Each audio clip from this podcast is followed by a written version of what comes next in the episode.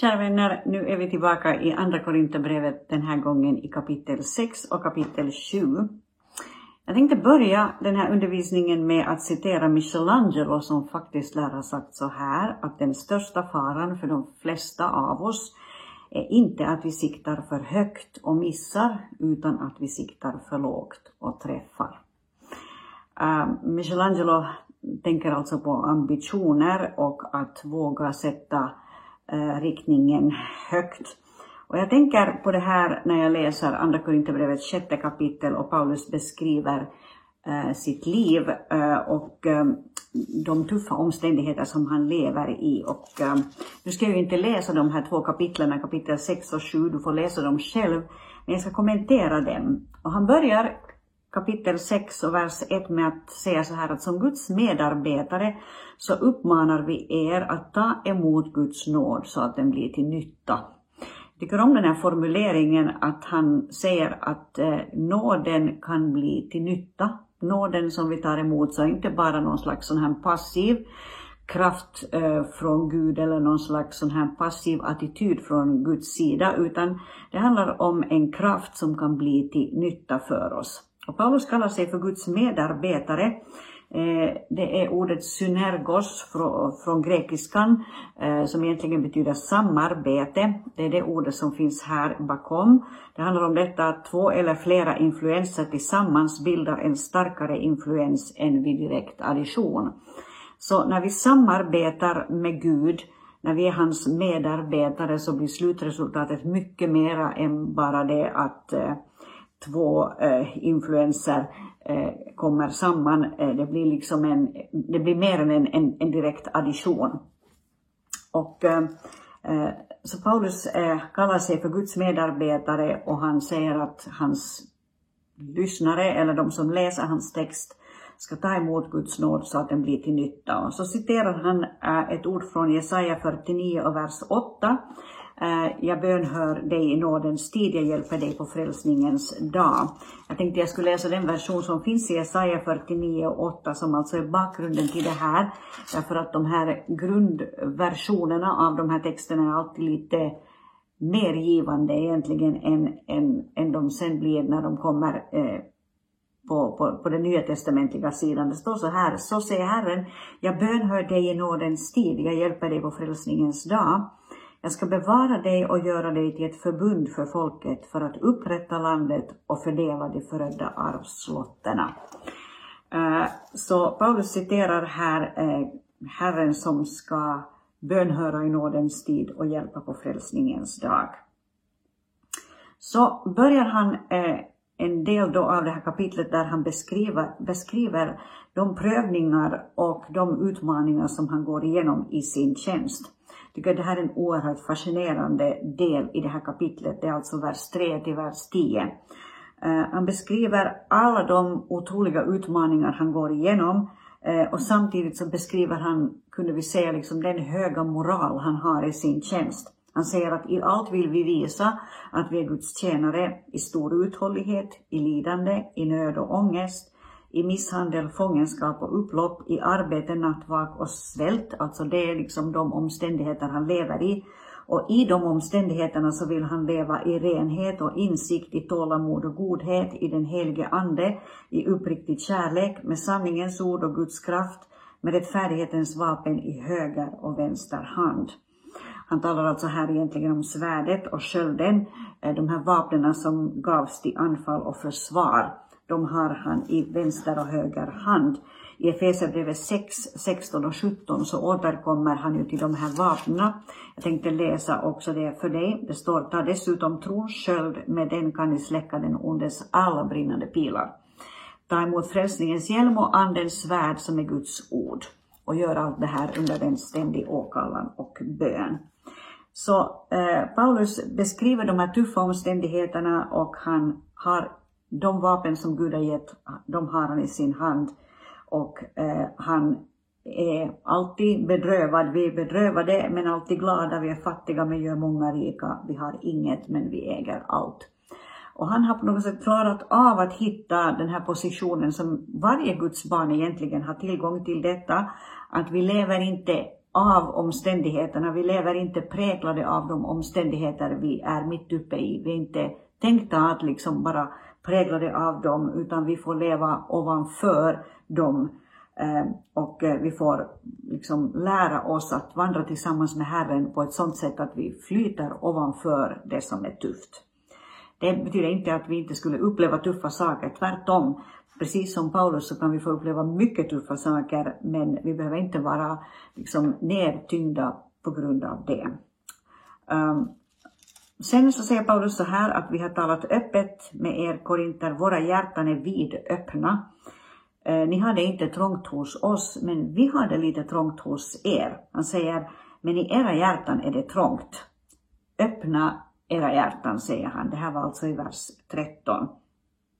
Och eh, det här är eh, lite intressanta formuleringar. Det är engelskans restrained som han använder här, alltså något som hålls eller bevaras under kontroll, något som hålls tillbaka. Hjärtat håller någonting tillbaka, hjärtat är stängt, eh, öppnar sig inte till fullo för eh, de som eh, det har omkring sig. Eh, och Paulus säger här, gör som vi, nu talar jag som till barn, öppna också ni era hjärtan. Han har börjat märka någonting av den här tuffa eh, andan i Korint eh, som vi kommer att märka mer och mer av ju längre vi går in i det här brevet. Det, det, det, har blivit liksom lite mer åtstramat när det gäller den här relationen mellan Paulus och Korintförsamlingen. Och han vädjar till dem att de ska öppna sina hjärtan. Så kommer han in på det här med att man inte ska gå i omaka par med den som inte tror. Vad har rättfärdighet med orättfärdighet att göra eller ljus gemensamt med mörker? Uh, och jag tänker på det kristna äktenskapet och jag tänker på vad, den, vad det är för en välsignelse att få gå i, i ok med någon som tror. Jag har själv varit gift i 29 år nu och jag är jätteglad över det faktum att jag har en man som vandrar med Herren. Och jag, jag måste säga att det skulle vara jättesvårt, föreställer jag mig, att leva som kristen och inte ha en troende man eller en troende kvinna. Säg inte att det är omöjligt och, och det jag nu är ute efter att liksom föra fram här är inte att, att du har gjort ett galet val, du som har gift dig med någon som inte är troende. Eh, jag talar egentligen till, till dig som ännu inte har gift dig och som har det här framför dig eh, så att du kan välja, välja rätt. Eh, vi som redan har gjort vårt val får stå för vårt val och liksom leva i det. Men den som har möjlighet att fatta ett gott beslut ska göra det. Och Paulus vet nog vad han säger när han säger att ljus har inte någonting gemensamt med mörker. Uh, vilken samstämmighet har Kristus med Beliar? Beliar som han nämner här, det är en variant av Belial. Uh, betyder den värdelöse, det är ett judiskt namn på Satan. Det är intressant att det betyder den värdelöse, för det är verkligen Satans sanna eh, natur, han är värdelös. Eh, men anyway, Paulus är noga med att poängtera att vi ska inte skapa relationer eller forma relationer tillsammans med människor som inte tror på Jesus. Eh, det här är nog värt att tänka på, speciellt om du är ung och ännu inte har gift dig. Eh, att, att, att gifta sig är att binda, binda sitt liv eller liksom förbinda sig att leva tillsammans med en annan människa under hela sitt liv och det blir nog tufft om man inte har samma värderingar. Trust me. Det, det kan kännas lätt och underbart när man är kär och vågorna går höga. Men det kommer en vardag eh, och det kan komma många utmaningar i livet och då behöver man det stöd som det innebär när man har en man eller en hustru som vandrar tillsammans med Herren.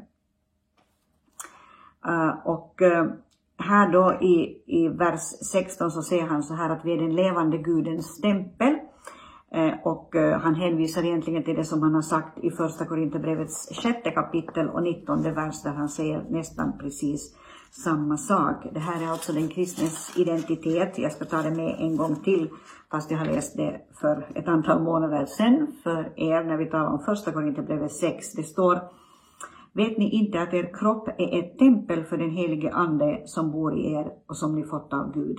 Ni tillhör inte er själva ni är köpta till ett högt pris. Ära då Gud med er kropp.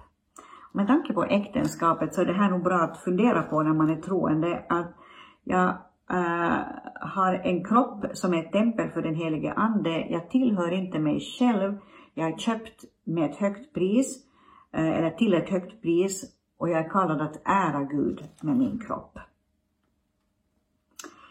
Eh, och eh, därför avslutar Paulus då det här kapitlet med eh, eller han skriver ju inte i kapitel, men den här texten avslutas här så som vi har det i kapitel med ett citat från Jesaja 52 och vers 11 där det står så här, och jag ska läsa det för er. Eh, det står så här, dra bort, dra bort, gå ut därifrån, rör inte vid något orent, gå ut från henne, rena er, ni som bär Herrens kärl. Så det är samma hänvisning alltså att vi ska eh, rena oss, leva i renhet och välja att leva tillsammans med människor som har samma värderingar som vi. Och då kommer vi till kapitel 7 där han börjar med att säga att när vi nu har de här löftena så låt oss rena oss från allt som befläckar kött och ande och fullborda vår helgelse i vördnad för Gud. Uh, och jag skulle här vilja göra en liten hänvisning till Hebreerbrevets trettonde kapitel och första vers som uh, handlar om något av detta. Det står så här där att håll syskonkärleken levande. Uh, och det är någonting som Paulus kommer in på här nu i Andra Korinthierbrevet 7. Eh, han, han börjar tala om att de ska ge rum för honom och för hans medarbetare i, i, i hjärtana.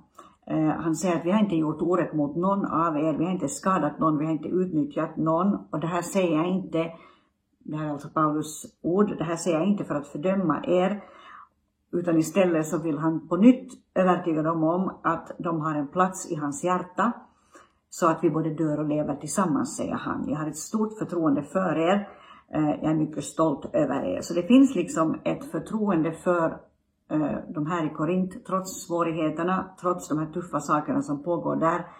Eh, det finns ett förtroende och han önskar att det på samma sätt ska finnas ett förtroende för honom och hans medarbetare. Ge oss rum i era hjärtan.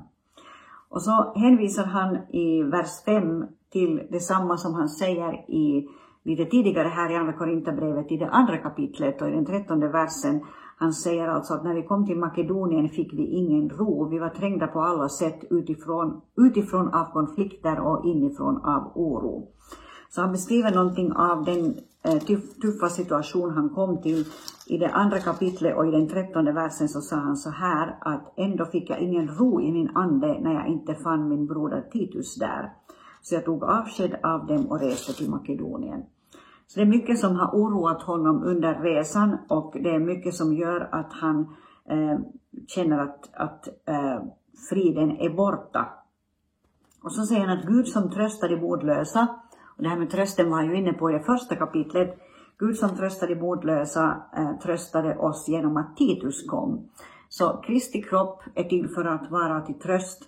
Eh, vi är till för att vara tröst för varandra eh, han säger att inte bara genom hans ankomst, alltså inte bara genom Titus ankomst, utan också genom den tröst han fick hos er. Och då hänvisar Paulus alltså igen till Korinterna. Han berättar för oss om er längtan, er klagan och er iver för mitt bästa.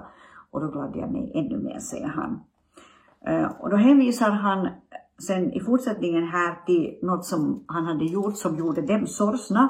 Han säger att han, han ångrade inte Eh, därför att det hade en god effekt i deras liv. Han säger att ni blev sorgsna så som Gud vill. Det finns en sorg som är i enlighet med Guds vilja. En sorg efter Guds vilja ger en ånger som man inte ångrar och som leder till frälsning. Världens sorg leder till död.